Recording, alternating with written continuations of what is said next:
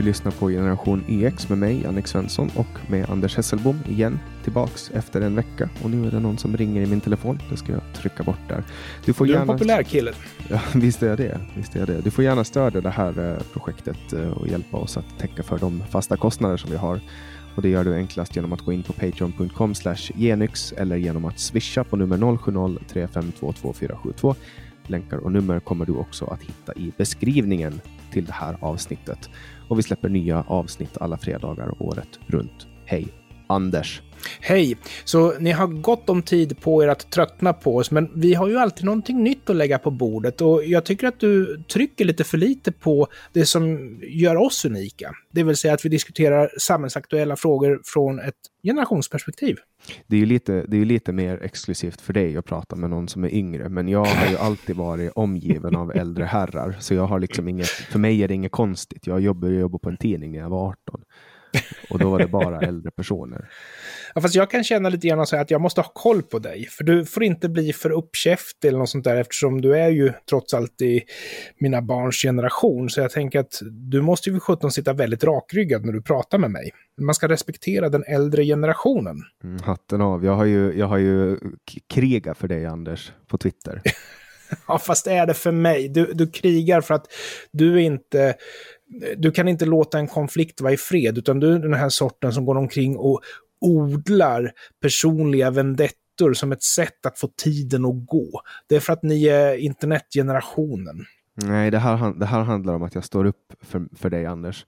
Vi okay. kan ju dra en liten recap här till, till er som lyssnar. Uh, jag, vet att, jag vet att det är några som lyssnar i alla fall. För jag ser men en, re recap liksom. Nej, nej, men vi, pratade, vi pratade om det här förra veckan, alltså att du hade ja. blivit totalsågad vid fotknölar för en låt ja. du hade gjort. Jag tänkte ja. att vi skulle ta en liten stund, några sekunder till att spela lite, för att det här visar sig faktiskt att upphovsmannen till den här mycket mördande kritiken själv ja. är musiker. Ska vi ta en liten lyssningspaus? Alltså jag, jag, kan gå med på att spela ett par takter. Annars så tycker jag att man ska respektera folks önskemål och sådär. Men har du, har du någon musik så dra in ett par sekunder. Okej. Okay.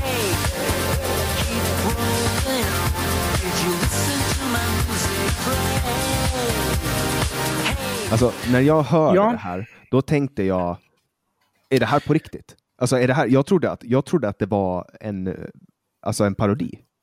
Ja, men, men alltså, det är han på riktigt. Det är han, ska, han, vi säga, ska vi säga eftersom nej, nej, vi säger om? inte hans namn. Du får pipa hans namn. Jag vill inte okay, ge honom en plattform. Jag piper Dragan är det ordet vi piper i det här avsnittet. Ja, så här, till, till, recapen mm. går alltså ut på att ja du har hjälpt en person. Du har, tagit, du har ett stort hjärta, Anders, och du har tagit av din tid till att hjälpa en nolla, en bokstavlig nolla som spelar jättedålig musik, står med någon t-skjorta och bara sjunger med allt. Jag vill, jag vill säga ett par saker här. För det första så är han precis lite grann som du, en person där man aldrig riktigt vet vad som kommer ur han. Och för mig har det varit en hederssak att göra en insats för yttrandefriheten. Så jag har gjort det här alldeles, jag har hjälpt piper det, alldeles frivilligt. Mm, men och vad gör, vad gör då? Han, han kommer här med en ny västkniv och hugger in den i ryggen på dig när du startar ja. din egen podd. Men jag har faktiskt svar på tal här. Oavsett vad man tycker om mig och min musik och min förmåga att spela instrument, så är jag åtminstone bättre än han. Ja, absolut. Det, men man behöver, det behövs inte mycket talang. Alltså, det behöver, alltså, ett, ett, ett rivjärn. Mm. Och, och men men hur, är, hur är liksom det här ett lyssnarintresse att ja, Jannik okay. inte gillar det? Nej, men det börjar så här. Det börjar med att mm. han sågar det här och vi har en, en konflikt ja. på Twitter. Och den, här konflikten, alltså den här konflikten går så här, när han säger efter, för vi pratar om det i förra podden, vi börjar med det ja. och så skriver han då efteråt på Twitter att ja, nu har jag hört det här och piken, men jag kommer aldrig att erkänna att, att jag tycker inte att musiken är bra, den var skitdålig, typ så skrev han. Att jag måste ja, ja. vara ärlig. Jag kommer inte att säga förlåt till Anders, skrev han. Och då skrev jag till honom så här, svar på tal. Okej, okay, men, men då ska jag vara helt ärlig. Jag tycker att din podd är skitdålig. Det är dåligt content, den är dåligt producerat, det är dåligt ljud. Allting är dåligt. Det enda som är bra med den är musiken. Eller vad säger jag, klippningen och det är den som Anders gör. Liksom. Och sen urart... en... Ja, men ja. Det, det urartade och sen, sen eh, slutade med att han skrev du ska nog ta och vårda ditt språk, din högervridna patetiska lilla swish så, så things got personal for real där alltså? Ja, ja, alltså det ballar ur helt och hållet. eh, Fast alltså, jag vet inte om du, om du vill ens stå för det här, men ni har ju faktiskt gjort ett försök att samtala ja, på riktigt. Har ni inte det? Men det funkar ju inte heller. Nej, vi skulle spela in en podd, men, men man kan inte spela in ett samtal med någon som hela tiden är ute efter att strida. Det, det, går liksom inte. Alltså en människa som bara är ute efter polemik och, och liksom på löpande band ja. kastar ur sig eh, elakheter. Liksom. Ja, men, men då, ska jag, då ska jag säga så här till för det, ja, jag piper hans namn såklart. Och det ska han veta. Hans podd skapades under premissen att han skulle vara en fyr för yttrandefriheten och att han skulle prata med personer som han har bråkat med på Twitter eller folk som han har liksom haft trevligt med på Twitter. För att vi ska få olika syn på frågor ifrån två olika håll. Men varenda jäkel som är med i hans podd är sosse. Jag, och jag var inte sosse och jag var med och det var liksom så här. Jag trodde inte mina öron när han liksom gick in i polemik om, om saker. Vi pratade om, om uh, narkotikapolitik till exempel och han var liksom helt opåläst och, och liksom, och, men han gav sig ändå in och sa så helt sjuka saker som att uh, jag vill inte ens gå in på det, det var Jannik, bara så jävla provocerande nu är inte här och kan försvara sig, så du får inte hugga för mycket. Nej, han får försvara sig på Twitter i alla fall. Uh, han får vilken... försvara sig på Twitter. Och jag är inte rädd för att hugga mot för jag tycker, vad fan, det får han ju tåla. Han hugger ju mot mig. Ja, men också att du hostar hans podd, Anders. Du, alltså, hans podd ligger på din server. Du kan ta yes. bort den när som helst. Va, ja, alltså, va, det kan jag. Hur, hur mår man om man pissar på folk som, som man är beroende av? Fast det, det blev ju inte allvar förrän ni två blev kränkta på varsitt håll över internet. Och skulle jag få en spänn över varenda person som blev kränkt på... Alltså, du är större än så här, Jannik. Nej, alltså jag blev kränkt för att man får, man får pissa på mig hur mycket som helst. Jag bryr mig inte ja. om att han kallar mig för, för swish men jag, jag tycker inte om att han di, alltså, disrespekterar dig på det sättet. Nej, men jag, jag tror å ena sidan att eh, han har en omdömeslös eh, humor. Det är vad jag tror. Och jag, jag tror, att han jag är... tror att han bara är omdömeslös helt. Ja, Okej, okay. må så vara hänt. Jag eh, lägger en viss stolthet i att kunna bidra till eh, debattfloran i samhället. För mig är det här viktigt. Eh, så därför okay. så har jag gjort det här med glädje. Ja. Nej, men vi eh. avslutar med orden. är en ryggknivhuggande parasit som utnyttjar folk och slänger dem när han är klar med dem. Nu har vi det sagt. Nu går vi ja, men... på nästa ämne, Anders. Jag håller på att bli upprörd här. Hör Jannik, kom, har du satt mig i en situation nu där du nästan har tvingat mig att försvara honom? Nej, sluta nu. Vi slutar nu sitter jag i en podd där, där vi har snackat skit om Förväntas jag vara lojal mot Dragan nu? Eller? Nej, nej, nej. Du förväntas bara vara... Vi ska prata nu. Nu, ska vi, nu är vi klara. Vi jag har en grej till innan vi går vidare, Jannik. Okay har vi två ord vi piper nu? Och eller har vi ett ord vi piper i det här avsnittet? Och Men man får, inte ens, man får inte ens höra början och slutet på Det måste vara ett helpip. Ah, Okej, okay. så, så ingen reklam alls till nej. han alltså? Nej, nej, nej, nej. Man ska inte kunna hitta på den, inte som man söker den. Handlar det här om att du är rädd för att få ett civilrättsligt mål emot Nej, jag vill, bara inte honom, jag vill inte ge honom en plattform. Okej, okay, ja, men då så. Då kan jag respektera det. Ja, jag tänkte att vi ska hoppa vidare till uh, nästa grej. Eh, och det, det, är att eh, justitieombudsmannen ska granska pressträffen eh, där man pekar ut Palmes mördare. Varför? Det visar sig att eh, de har sagt eh, att det inte går att komma runt Stig Engström Uh, och det här ska man, uh, så här står det då på Omni. På pressträffen om Palmemordet den 10 juni sa chefsåklagare Christer Petersson att det inte går att komma runt Stig Engström, även känd som Skandiamannen, i utredningen kring vem som mördade Olof Palme. Det här utpekandet kommer nu att granskas av justitieombudsmannen. Citat. Åklagarens ja. uttalanden reser frågor om den misstänktes intressen tog tillvara vid pressträffen och om omständigheter som talade till den misstänktes fördel lyftes fram på en tillräckligt, ett tillräckligt sätt. Alltså det får man väl hoppas. Jag, jag, tycker att den svenska exceptionalismen gjorde sig ju påmind igen här. Där eh, samma personer som så fort man ifrågasatte någonting som hade med corona att göra, så jaha, är, är du eh, pandemiexpert så är jag har kriminolog nu också. Alltså det var så uppenbart att här bröt man mot alla tänkbara seder och, och högg liksom en död man som inte kan försvara sig. Högg mot en död man som inte kan försvara sig. Och sen så har vi då de svenska lojala medborgarna som säger ja men är det en myndighet som gör det, då måste det vara bra. Därför att svenska myndighetspersoner är ofelbara. Oavsett vad de gör och oavsett hur de gör det så är att de har gjort det och genomförandet alltid klanderfritt i Sverige. Det är den svenska exceptionalismen. Mm. Men, och det var ju också magasinet Filter som avslöjade det här i ja. typ i våren 2018 eh, eh, eller någonting. 2017, mm. vinter 2017 någonting. Och då avslöjade de det här. Och sen hade det tagit så här två år för Palmeutredningen och bara ja men hörni, kanske vi, ska, kanske vi ska lägga av med det här nu. Vi har ju eh, hållit på med det här ganska länge. Kanske vi ska avsluta nu. Jag undrar hur det är en dag på jobbet i Palmeutredningen. För de kan ju inte ha haft liksom eh, brådska, springa i korridorer, eh, ny information, viftande med papper, argument om... Alltså det måste ju ha varit ganska lojt arbetstempo. Men lönen är väl förmodligen bra. Det är väl skattepengar antar jag, så det spelar väl ingen större roll. Ja, det har väl antagligen varit att jag lägger på en, alltså, typ sitta och läsa nya tips och det kommer ju nya tips hela tiden om jag mm. har förstått rätt. Och kanske så här, gå igenom något gammalt spår eller brainstorma eller vet fan. Ja. Men själva principen, man anklagar inte en person som inte kan försvara sig. Det är en jätteviktig rättslig princip och jag hoppas att det blir konsekvenser för hur de har betett sig. Och för det andra så är det så att jag älskar ju hypotesen att eh, Skandiamannen skulle ha en pistol med sig ifall att han skulle möta Palme just på den platsen vid just det tillfället dessutom. För Palme gick ju inte alls den vägen normalt.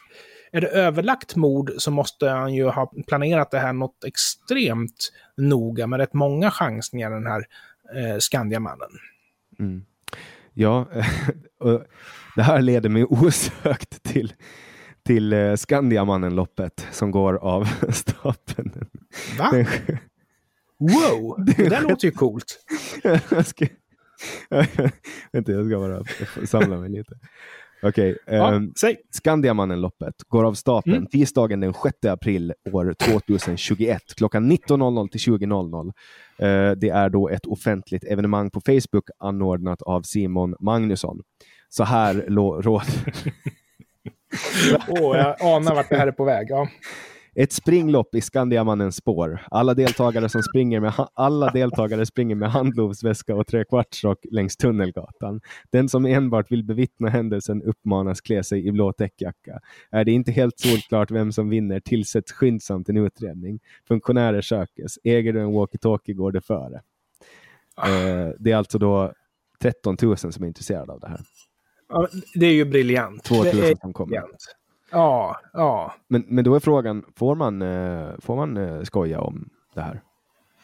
Alltså det har gått så lång tid, men alltså jag brukar ju tycka att man får skoja om precis allting, men vad du väljer att skoja om säger ju någonting om vem du är. Men att, att håna Skandiamannen eller att driva med Palmegruppen känns som ett ganska rim, ringa brott jämfört med att peka ut honom som mördare i ljuset av alla problem som det leder till.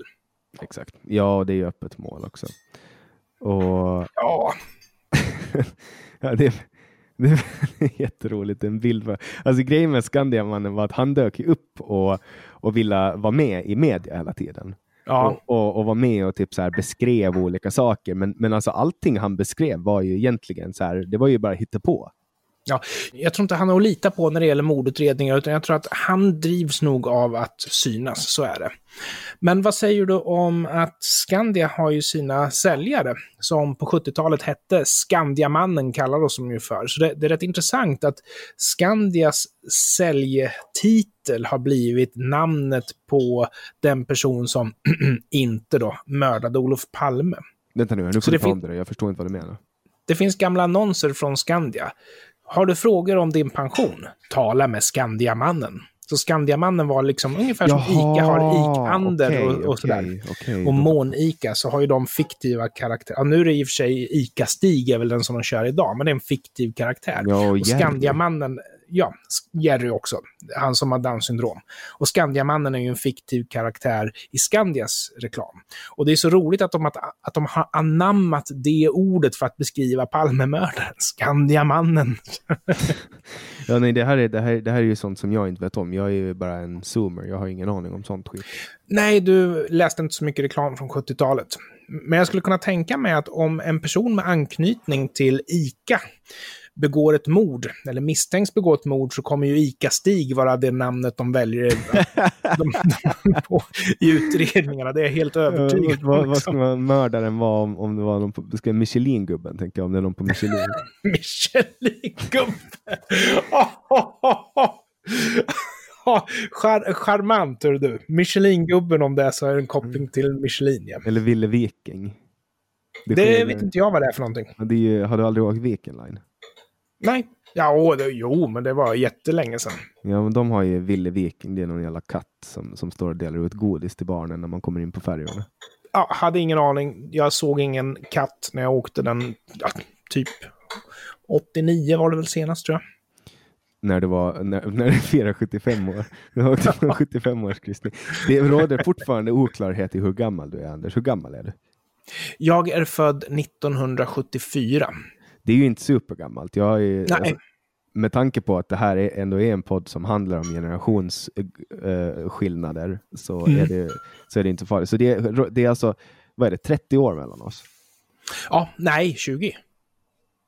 Nej, 70, 80, 90, jävlar det är 20 år. Ja, det är 20 år bara. Du ser vad bra jag är på att räkna. det handlar inte om det, det handlar om, om vart du var i ditt mindset. Men själva grejen är ju att eh, Eh, vi ser ju på saker på väldigt olika sätt beroende på när man är född. Och jag hävdar ju med en dåres envishet att vi skulle stå längre ifrån varandra om du vore eh, en millennial, alltså typ född 85 eller något sånt där. Därför att de som är födda mitten på 80-talet, det är ju de här som är liksom har svalt det här med den svenska exceptionalismen och att man, det är olagligt att inte rösta S och sånt där med hull och hår. De blir ju liksom direkt kränkta av. De, de, tror att, eh, de tror att Donald Trump hotar demokratin bara för att han inte liksom företräder deras egen sida. Medan å andra sidan så har vi extremt mycket odemokratiska processer som pågår i Sverige under S-flagg och därför det är helt okej. Okay. Alltså, hade du varit äldre än vad du är så hade vi nog stått längre ifrån varandra, tror jag. Men sen vet inte jag vad det innebär att du har eh, det finska kulturarvet i din ryggsäck eh, jag har ju lite ett ihopplock av, av olika. Åland har ju en egen kultur och Finland har en kultur och sen ja, är det ju. skandinavisk. Så att, men jag märker det nu när jag studerar här i Sverige att eh, desto mera tid jag tillbringar i Sverige, desto mera växer den finska nationalismen inom Ja, men det är ju rimligt. Och dessutom så är ju du i Stockholm och eh, i Stockholm har du ju, du är ju farligt nära söder då liksom. Och då har du de här killarna med knut i nacken och stort skägg som är födda 85. Och de är ju som de är. Ja, så som går ut med fjädrar i öronen och brygger um, kombucha i fjällräven uh, konken. Uh, ja, men lite gärna så. Lite gärna så. Och jag tror att uh, ska vi ha gnister i debatten, då ska vi ju ta och leta upp en sån där kille. Ta kloroform så att han svimmar, släppa vägen till inspelningsstudion och sen så låta han vakna upp där och sen bara prata politik med honom. Då kommer han att tappa hipsterskägget av ren förskräckelse. Man kan spruta in kloroform i skägget så att ångorna ja. stiger upp i näsan. Ja, men det blir skitbra. Det viktigaste är ju att de tuppar av så att man kan bära bort dem utan fysiskt bråk. För de får inte, de får inte få märken på kroppen, vet du. Då har du bevis emot dig. Fan vad sjuk du är. jag försöker bara tipsa dig. Jag är äldre än dig så jag mm. har mer livserfarenhet. Jag kan sådana här grejer. Jag ska vara glad att du har någon att prata med. Tänk, du, du är ute och, och går med din raskatt. du är ute så här på Ringvägen och går med din raskatt. Svänger in via mm. Brewdog i Skanstull på en, på en liten 180 eh, kronors IPA och helt plötsligt vaknar du upp i en källare och så står du och jag där och pratar politik med dig. Ja, du ser. Men sen tycker jag också att det är lite roligt att testa folk, för jag har ett favoritknep som jag brukar köra. Om jag är på en främmande plats med en person där varken han eller jag, eller den, de eller jag är hemma. Så att vi är på främmande mark. Och vi kanske ska göra ett uppdrag tillsammans. Det kan vara jobb, det kan vara whatever. Så är mitt knep, det är att jaha, nu är vi klara för idag. Vad gör vi, på, vad gör vi i den här stan för att få tiden att gå och få roligt tillsammans och så här. Då brukar jag helt allvarligt titta på en person och säga, du, ska vi spöa en uteliggare? Bara för att se vad de säger. Och ska jag vara helt ärlig så har jag ingen, liksom, jag, jag har ingen comeback om det är så att personen tittar tillbaks på mig lika allvarligt och säger, har vi gjort? Ja, vi För det har aldrig hänt. För de har aldrig funnit sig i den situationen. Men det är väldigt kul och, alltså chockhumor är roligt. Det är kul Visst att testa hur folk reagerar. Visst är det det, men eh, problemet när jag gör det är att jag hamnar i tidningen. jo, men du vet.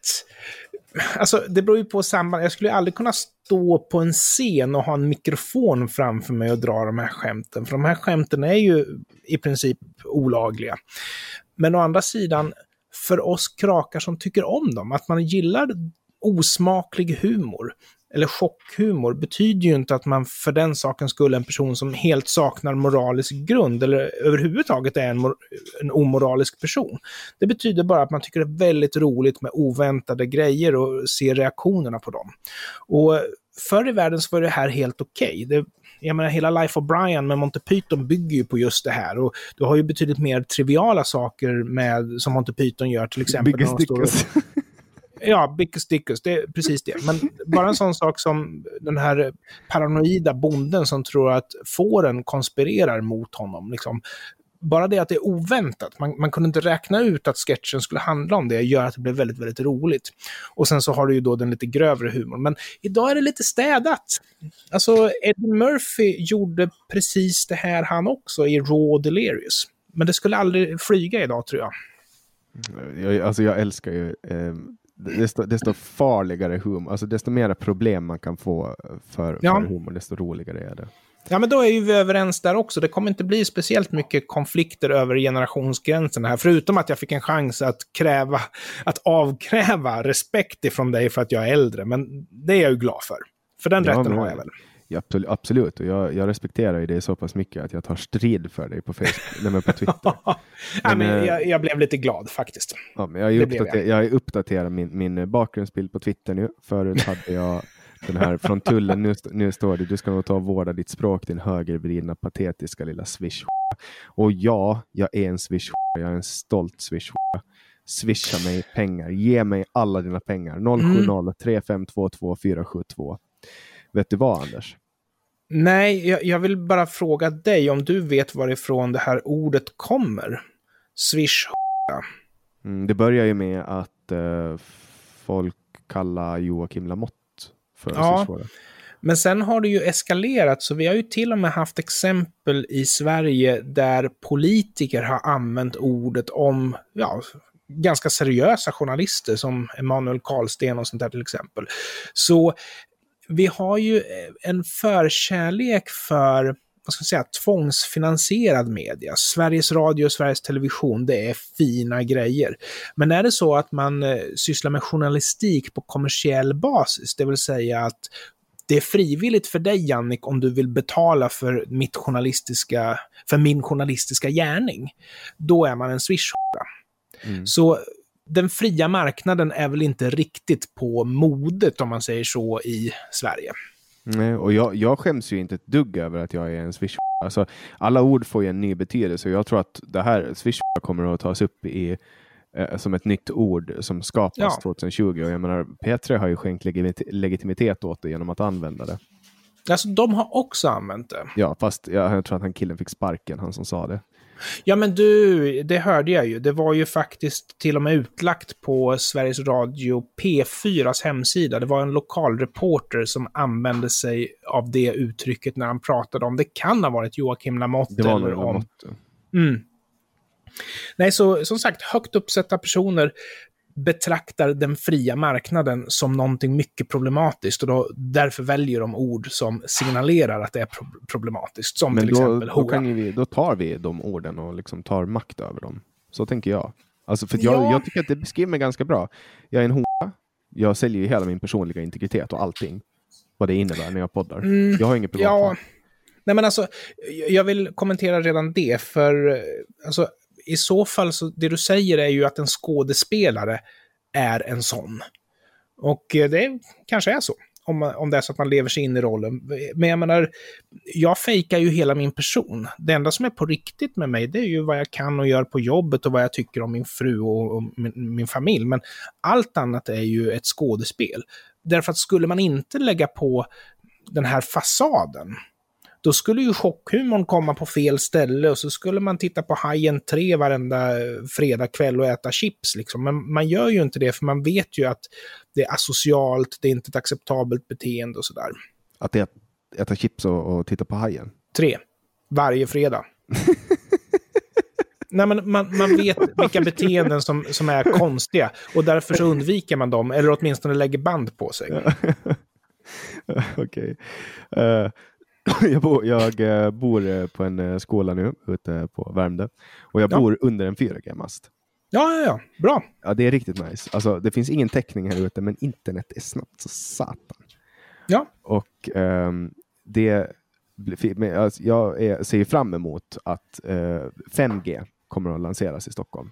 Och det har ju jag, varit, jag är osäker på vad det är, men det är som the internet och det går eh, via luft och det är snabbare än 4G, är det inte så? ja.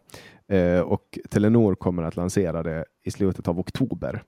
Mm. Och jag är jättespänd för det. Därför att alltså, f- 5G kommer ju att gå så sjukt mycket snabbare än 4G. Alltså, nu, nu, nu behöver vi inte vänta längre. Nej, men alltså det är ju bara more of same. Det är ju inte en revolutionerande uppfinning egentligen. Nej, Och, men att det kommer att gå så satans mycket snabbare. Nu, nu, är det ju bara, nu är det ju bara nästa grej. Nu är det ju hemsidor som flaskhalsar. Hemsidors servrar. Hemsidors servrar. Ja. Men jag tror inte det är överföringen till dig som är problemet, utan jag tror att det är eh, API mot eh, databasen som är problemet. Att de har, eh, liksom processortiden är dyr och därför så kör de upp anropen till databasen och distribuerar ut dem med viss fördröjning om det inte är så att du betalar väldigt dyra pengar för att få komma före i den kön. Om du har en hemsida hos en hemsideleverantör så är ju inte du ensam på den servern, utan du delar ju servern med väldigt många andra. Så troligtvis så är det alltid ett par anrop som ligger mot den här databasservern i, i botten. Och sen det andra, det är hur mycket processorkraft har den eh, databasservern när ett anrop väl kommer in.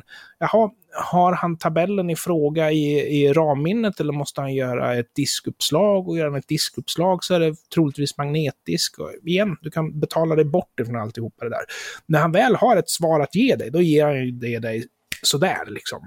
Det går ju ungefär lika snabbt att skicka ett e-postmeddelande mellan Europa och USA som det går att rita en pixel för ett grafikkort på eh, dataskärmen. Så det, det är liksom, överföringen är redan snabb. Jo, men tänk, tänk vad det här möjliggör alltså i form av allt. Du kommer att få se, Anders. Du kommer att Mm, få se. Okej. Du, är kanske inte, kunna du, kanske, du kanske inte gör så mycket. Alltså, jag menar, du sitter ju hemma och knappar på någon Commodore 64 på skoj. Ja. Jag, jag, jag blir inte kränkt över att du berättar det. Nej, men för de som inte vet, det är en gammal terminaldator. Nej, men käften. Eh, eh, Alltså, jag- jag tar det jättekort. Alltså det är en hemdator. Det, det den har i sig, som gör att den är lite rolig, det är att den har ju dels det vi kallar för en konsolemulator. Och det är ju alltså att interfacet när man slår på den är text. Men det är just en emulator, för den har nämligen också ett grafikkort ovanpå det, vilket betyder att du kan allokera pixlar och tecken på den här skärmen och sådär. Och det var på den tiden datorerna faktiskt var toksnabba. Alltså, du hade ingen jäkla eh, seriell hantering med USB och sånt här, utan eh, om du spelar ett spel så signalerna från styrspaken direkt ner på moderkortet, liksom det är toksnabbt. Däremot så är den ju kanske inte så snabb när det gäller när man väl har liksom satt igång ett jobb och få det att exekvera. För klockfrekvenserna på processorerna så här var ju mycket långsammare. Men som feedback för spel och för att gö- göra olika grejer så är den väldigt spektakulär Men vad är, maskin. grej, alltså, vad är grejen med det? För att jag förstår folk som köper en gammal bil Mm. från 50-talet som de håller på Ja. och fixar på. Nej, men jag kan ta ett exempel eh, för en person som gillar att gamea. Eh, och som kanske har en handkontroller som går via Bluetooth eller USB eller något sånt där. Jag har ju mitt arkadspel hemma i vardagsrummet. Och de kontrollerna, de går ju som sagt direkt ner på moderkortet på spelet, så att när jag drar åt vänster så flyttar sig min gubbe åt vänster. Jag behöver liksom inte sitta och vänta på att paket ska köas upp och såna här saker. Så som en PC-gamer måste göra, eller Playstation-gamer måste göra. Och det här blir ju dessutom ännu värre nu när spel ska kunna streamas. Så då, när du drar joysticken åt vänster eller styrspaken åt vänster, då ska det gå ett meddelande upp till servern och servern ska rendera en bild som beskriver vad som händer och sen skicka tillbaka den bilden. Alltså det, det är fördröjningar överallt. Men de här gamla fina maskinerna som inte har USB, utan där man direkt pratar med plåten helt enkelt, de är, de är roligare alltså. Och dessutom så är det ju enklare kretsar i dem, så det finns ju en rimlig chans för en människa att förstå hur de här kretsarna fungerar och exploatera dem, programmera dem. Men Så du det- det- utelämnar liksom mm. den här detaljen att det du ser det är 2D-gubbar och så piper det och så ser det pip, pip, pip. Det är ju alltså värre än de här gamla Nintendo-spelen. Ja, alltså ljudet är ju bättre än Nintendo. Det är ju en, en sofistikerad synt i just Commodore 64, men grafiken är ju till och med sämre än Nintendo 8-bit på specifikationen. Men å andra sidan, du vet, idag så kan man bygga väldigt sofistikerade verktyg och exploatera enheten ganska bra, så idag kommer man ganska långt med det. Men det liknar ju inte ett mo- modernt Playstation 5-spel, om man säger så. Det gör det ju naturligtvis inte. Nej, men det är bara att googla på liksom long plays Commodore 64 så får ni ju se hur ett typiskt spel ser ut. Jag tycker det är coola grejer. Men du, vi tappade tråden där, för det där var ett stickspår, var det inte det? Mm, vi, pratar, vi pratar lite om 5G och jag, tänk, 5G. jag tänker att det är väldigt många som är rädda för 5G. Ja, just det, man får ju corona av 5G. Så var det. Hur föds en sån här konspirationsteori? Eh, det kan jag berätta, eh, för den gällde ju faktiskt wifi förr. Men sen idag vet man ju om att okej, du blev inte... Du fick inte ditt immunförsvar förstört av wifi. Ja, men då är det 4G. Så det är ju alltid så när det kommer nya grejer. Och eh, jag tror att subtila sjukdomssymptom, så här elallergi och allt vad det är, liksom, förklaras av ja, liksom draken är ju det man inte vet hur det fungerar. Here be dragons. Och så där, har ju, så där funkar ju religion också, att det man inte vet om, det är ju det man tillskriver ondska och fara och sådär. Det som är lite konstigt är ju att vi har ju även en sån här stark alternativmedicinrörelse i Sverige. Det innebär alltså att folk som dricker kollodialt silver mot eh, cancer, de skulle ju aldrig någonsin komma på tanken att dricka kollodialt silver mot elallergi. Men det hade ju annars funkat, för eh, eh, alltså, alternativa sjukdomar borde ju kunna eh, botas med alternativ medicin. Men det är så det är. Man vet inte vad, liksom, hur radiovågorna funkar. Jag menar, radio var ju också farligt i början. TV var också farligt i början. Sen när vi inte fick de sjukdomar vi påstås få av dem, då glömmer man bort det och sen så kommer det alltid ny teknik. Så det är en ständig, en ständig tillförsel av nya faror. När 6G är på gång, då kommer de ha tokglömt att det var 5G som gav dem corona. Alltså det de borde göra är att dricka kollodialt silver för fallenhet att tro på konspirationsteorier. Ja, det, det skulle vara alldeles utmärkt. Ett jättebra exempel. Men jag vill dock då bara sträcka upp ett varningens finger här. Kollodialt silver är bakteriedödande och tokgiftigt. Och det får definitivt inte drickas, för du dör en plågsam död. Det är tokgiftigt. Men om du, Men- Tror, att, om du tror att 5G dödar dig, drick på. Nej, men det, som, det som säljs som kollodialt silver är ju alltså homeopatiskt kollodialt silver. Du har inga silvermolekyler i liksom, vätskan. Och därför så är det okej. Så det du köper är ju vatten. Som det har gått elektricitet genom. Ja, de eh, stoppar faktiskt i ett silvermynt och sen så kör de i lite ström och så påstår de att nu är det homeopatiskt kollodialt silver, men det är inte det, det är vatten. Mm. Men om, det, alltså, om, om de känner att de får, eh, får någonting ut av det, då kan de ju säkert få göra det. Ja, alltså placeboeffekten ska vi ju inte underskatta. Den är viktig. Och eh, man behandlar ju faktiskt riktiga fysiska symptom med placebo ibland. Därför att man vet att det kan finnas eh, psykiska orsaker till att man mår som man gör. Och det är därför som jag faktiskt gillar alternativmedicin. För om, om du har en person som tar upp en massa tid för sjukvården, så det är jättebra att skicka den personen till en homeopat. För där får de den uppmärksamheten de behöver. De får tid att sitta och berätta om sina besvär och så får de ett blått piller med sig som de ska ta en gång i, om dagen därifrån. Och det hjälper. Ja, Så psykiska sjukdomar kan ju faktiskt botas, eller lindras åtminstone, med alternativmedicin. Men det, det, viktiga är ju att sjukvården får första tjing på alla patienter. För jag har varit med om personer som har liksom haft blodcancer och eh, själv gått till en naprapat för att få den botad. Och det ska man ju inte göra. Man måste ju alltid gå till sjukvården först. För en riktig sjukdom som faktiskt kan botas, då ska du ju gärna bota den. Jag menar, Steve Jobs hade ju levt idag om han hade litat på riktigt riktig sjukvård. Det var precis det exempel jag skulle ta. Ja han var ju en av dem som, som verkligen valde att gå fullt ut eh, hälso, eh, ja. alternativ hälsa och sen bara nej. Sen var det för sent när han kom på att okej, okay, det här är allvarligt. Mm. Undrar hur världen skulle se ut om, om Steve Jobs skulle ha levt fortfarande. Jag tror väl att eh, innovationstakten på Apple hade nog stannat av även med Steve Jobs. Men eh, det spelar ju å andra sidan ingen roll, för de lyckas ju kränga sina enheter ändå. Så ja. Steve, Steve, Jobs behövs ju inte längre. Mm. Apples ja. aktier är stark ändå. Mm. Och det är fortfarande världens bästa företag med världens bästa produkt som inte går att konkurrera med någonting. Alltså det var ju lite roligt på den tiden. Det vet inte du, för då var väl du inte född. Men förr var ju faktiskt Macintosh en egen dator, precis som en Amiga var en egen dator. Men sedan millennieskiftet så är ju Macintosh bara en brandad PC. Eh, med Linux i botten. Och man brukar, säga så, nog, man brukar säga så. Ja, men det är ju en brandad PC. Det är ju en IBM-kompatibel dator med ett eh, eget operativsystem som är byggt på Linux. Liksom. Eh, jag är inte så imponerad, men däremot så finns det ju helt klart saker som en Mac gör bra, som en Windows-maskin gör dåligt. Och de har ju ungefär samma attribut som ja, Linux PC-maskiner eftersom ja, filsystemet funkar ungefär likadant och sådär. Det är bra för programmerare, för nu för tiden när man bygger webbapplikationer så skyfflar man ju väldigt mycket små filer, alltså hundra, hundratusentals filer kan det vara i värsta fall som ska gå igenom flödet för en kompilering och sånt där. Och det gör inte Windows speciellt bra. Windows är mer duktig på att skyffla få och stora filer. Det, det, är bara ett exempel. Sen har ju ett problem varit, anledningen till att programmerare inte har kört Mac traditionellt har ju varit att det finns ju inga program till Mac. Men nu börjar ju det på att komma och till och med Microsoft släpper ju sin utvecklingssvit till Macintosh nu för tiden. Men traditionellt sett så har det knappt liksom funnits program. Lite Cubase och lite Desktop Publishing och sen mest en massa blaj. Jag tror att du med dina tekniska termer så tappar du folk ganska snabbt alltså.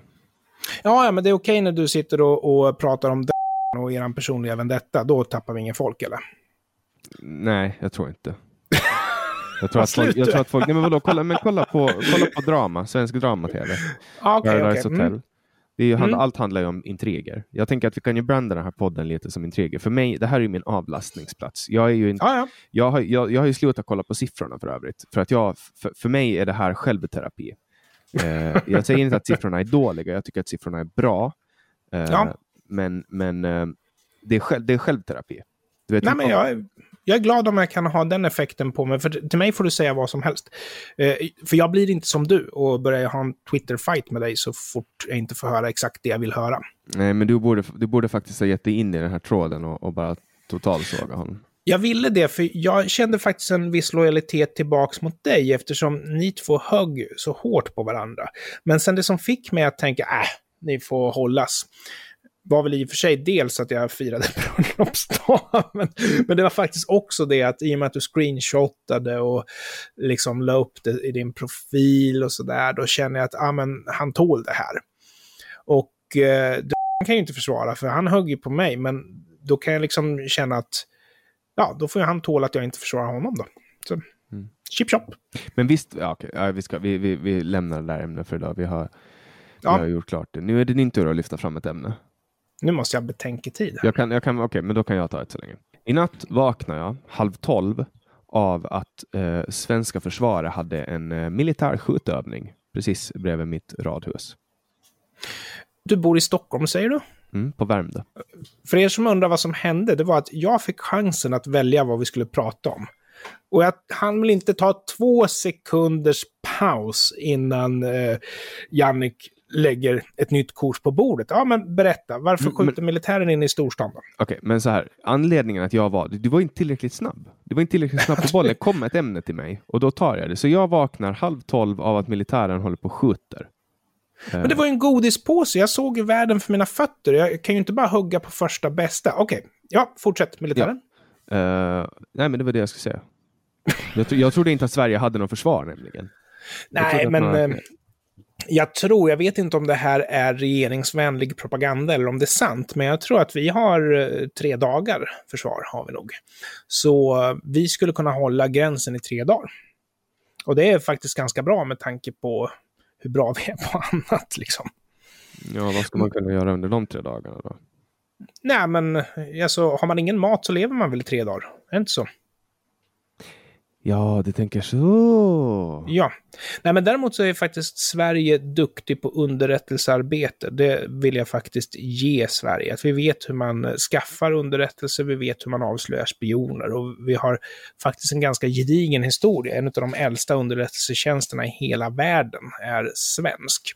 Och eh, jag törs väl inte riktigt berätta om allt eh, som vi gör i en podcast, men några små godbitar kan jag faktiskt gärna bjuda på ibland, för det, det, finns, det finns en hel del. Men du, det jag var nyfiken på, är det inte farligt att eh, skjuta med eh, skarpladdade vapen inne i stan? Jag, jag, alltså, men, när... alltså, jag är inte inne i stan, jag är ute på Värmdö. Långt alltså, är, på Värmdö. Är Värmdö, är det landet eller? Alltså det är ju en stor ö som när du kör förbi Nacka och så vidare. Ja, ja just det. Så har du ju Värmdöön.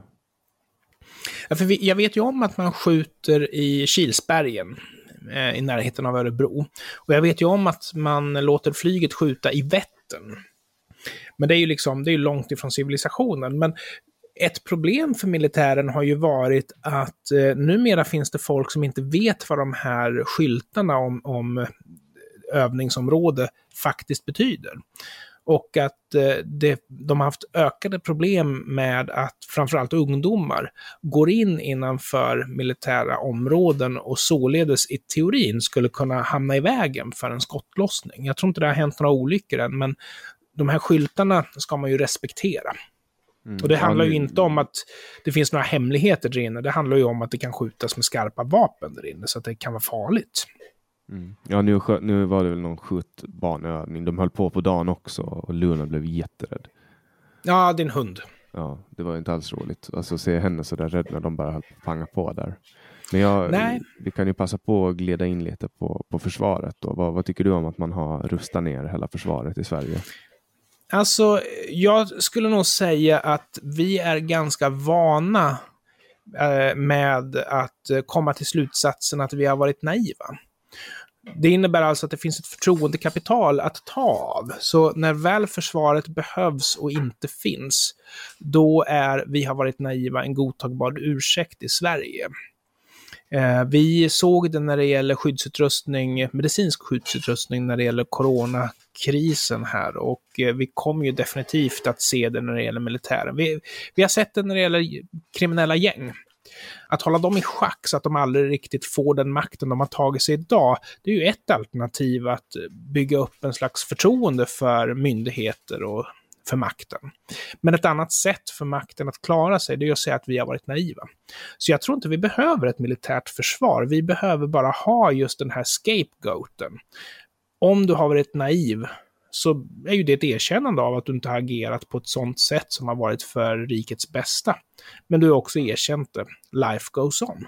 Jag personligen skulle naturligtvis hellre vilja att man hade en högre försvarsbudget, men du, är ju, du vet ju hur Sverige fungerar. Vi har varit naiva, det är ju en tidningsrubrik som i princip dyker upp var och varannan dag i olika ämnen.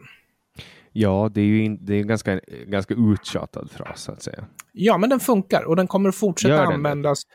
Ja, så länge svenska folket, medborgarna, de som röstar, faktiskt accepterar ursäkten så kommer den ju fortsätta användas. Därför att i slutändan så är det kronor och öre som räknas. Det är billigare att vara naiv än att ha ett försvar.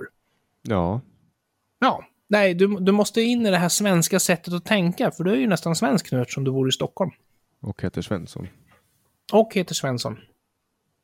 Ja, bara det gjorde det ju väldigt svensk. Ja, min farfar är ju född i Sverige. Hur ser det finska försvaret ut då? Är ni så mycket bättre? Alltså vi kallar ju åtminstone in folk och utbildar dem. Och vi ja, har jo. sålt bort vår utrustning. Vi har beredskapslager.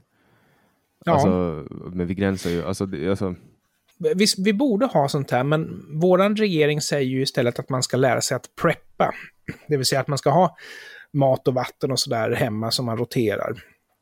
För man ska kunna klara sig på egen hand om krisen kommer, så att säga. Vi, på de punkterna så litar ju inte vi på myndigheterna till att se till vårt bästa. Vi litar på myndigheterna när det gäller varför vi har dåligt resultat i PISA-mätningen. Ja, men det finns en förklaring till det och då litar vi på det.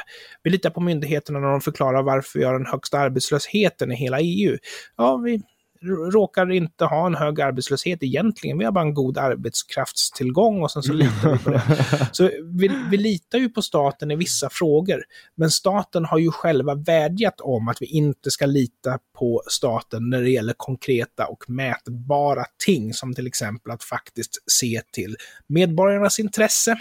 Så just den lilla funktionen får vi ju försöka att bortse från staten då. Mm.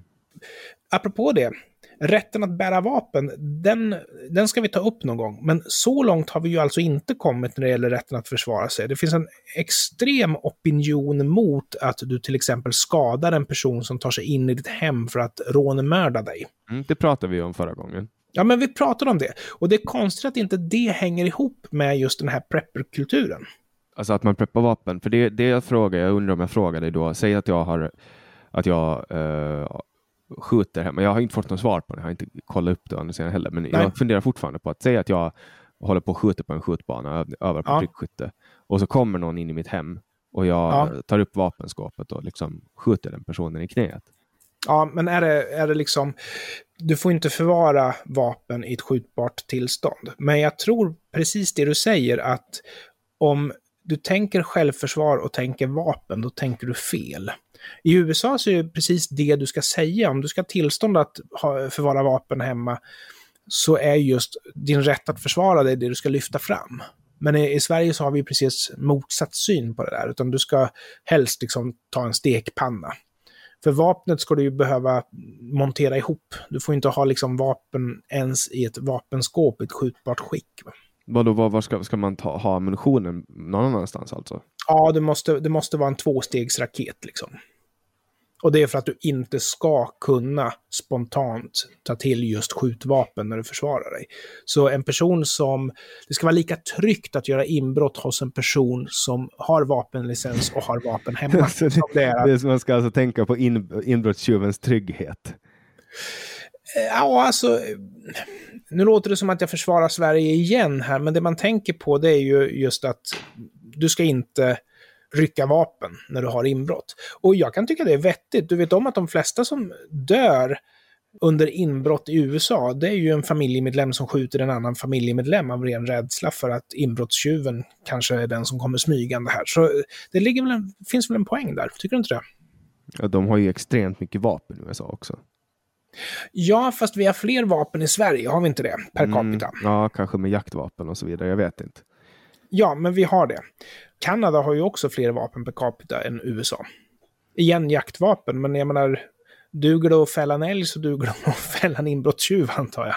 Jo, men de, hjälper, de, alltså, de ger ju ut dem till typ vem som helst i vissa Ja, det, det är ju väldigt lätt att få vapenlicens i USA. Du ska liksom vara ostraffad och du ska ha en, en, ett önskemål om att försvara dig. Det är ju ett giltigt skäl. Att, Lite av en mänsklig rättighet där. Ja, men de, de betraktar det ju så. Och vi betraktar det inte så, utan vi betraktar det som att det är väldigt viktigt att hålla våldet till ett minimum. Men jag tror också nu, om du säger att vi pratade om det här förra veckan, så kan ju jag förmodligen ha drystat åsikten att använder du lite för lite våld så kan du ju få tillbaks.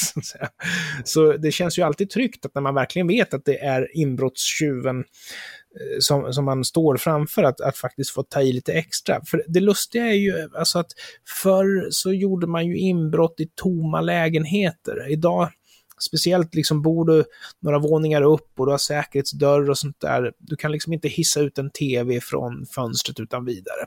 Så idag gör man ju inbrott när folk är hemma. Och det går ju ofta till så att man plingar på och hoppas att någon inte tittar i titthålet och, och när de öppnar så tränger man sig in. Därför att man vet ju också som sagt att du tränger ju faktiskt inte in till en person som har ett skjutklart vapen hemma i alla fall. Och vill du verkligen ta någons smycken, stereoanläggning, tv, då är ju det smidigare att kunna göra det genom ytterdörren. Bara liksom slå ner personen som bor där, ta hans grejer och dra därifrån. Jämfört med om du skulle behöva ta dig igenom en säkerhetsdörr och grannarna undrar och polisen kommer och det blir så awkward stämning och man måste förklara. Och varför har du slagit sönder den här dörren? Ja, ja det blir jobbigt. Mm. Men äh, skjutningarna ökar ju i Sverige. Ja, ehm. men ja, så är det ju. Alltså, våld, våldet har ju eskalerat i Sverige och det är ju på grund av orsaker. Det kan vi också prata om någon gång. Vad tror du att det beror på, Anders? Ja, men det är väl självklart. Vi har en stor del av invånarna i Sverige som inte känner att de har ett samhällsbyggande ansvar, utan som snarare känner att de vill exploatera det de kan få ut av samhället. Vi har liksom inte den här industri kulturen av att vi ska bygga upp någonting gemensamt som ska bli bra, den finns inte längre. Vi har en ny form av individualism som snarare handlar om vad man kan få ut av sitt land än vad man kan bidra till sitt land. Mm, det var väl John F. Kennedy som sa det. Ask ja. not what your country can do for you, ask what you ask can, what do, you for, can your do for your country. Exakt. Och eh, vi har ju till och med, alltså det var ju så roligt, för jag tror Magdalena Andersson, våran vänsterfinansminister, hade ju till och med vid något tillfälle citerat eh, Margaret Thatcher, att man förr eller senare får slut på andras pengar. Men då pratade hon inte om regeringen och regeringens ansvar gentemot folket, utan då pratade hon om EU och Sverige, att det var lite dyrt att vara med i EU. Att man kan inte liksom lösa allting genom att ta ut mer skatt. Och då hade man ju önskat att den lilla visdomen skulle kunna få hänga kvar ett tag till. Men hade du någon bild av varför, det är, varför våldet har ökat i Sverige? Ja, det är väl för lite ungdomsgårdar. Du skojar nu hoppas jag.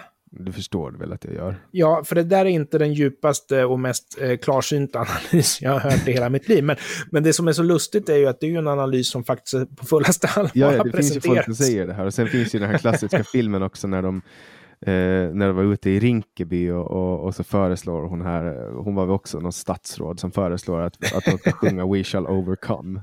Ja, just det. Bir Birgit Friggebo var det. Och eh, Carl Bildt var väl där och eh, mer eller mindre ville sjunka genom golvet. Och det finns faktiskt en gammal sketch med Johan Ulveson där de, ja men alltså, ni slog ner en tant, tog hennes pengar och köpte narkotika. Ja, vi har inga lokaler. Ja, men alltså, ni gjorde inbrott och band en butiksägare vid golvet och förstörde hans livsverk. Ja, men vi har inga lokaler! Men den måste vara ny. Alltså Nej, den är gammal. För då hade han alltså levt mycket längre än mig, den här uh, grejen om att det inte finns ungdomsgårdar. Ja, men det är, en, det är ju en gammal grej. Det är en gammal grej. Och eh, innan det var ungdomsgårdar så var det just liksom plats för ungdomar att hänga på generellt, klubbhus och sådana här saker.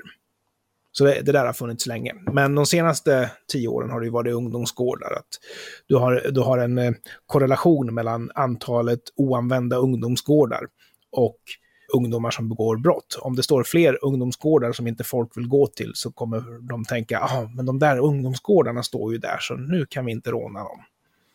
Ja, ja jag, tycker, jag tycker bara att hela den där grejen är jättekonstig.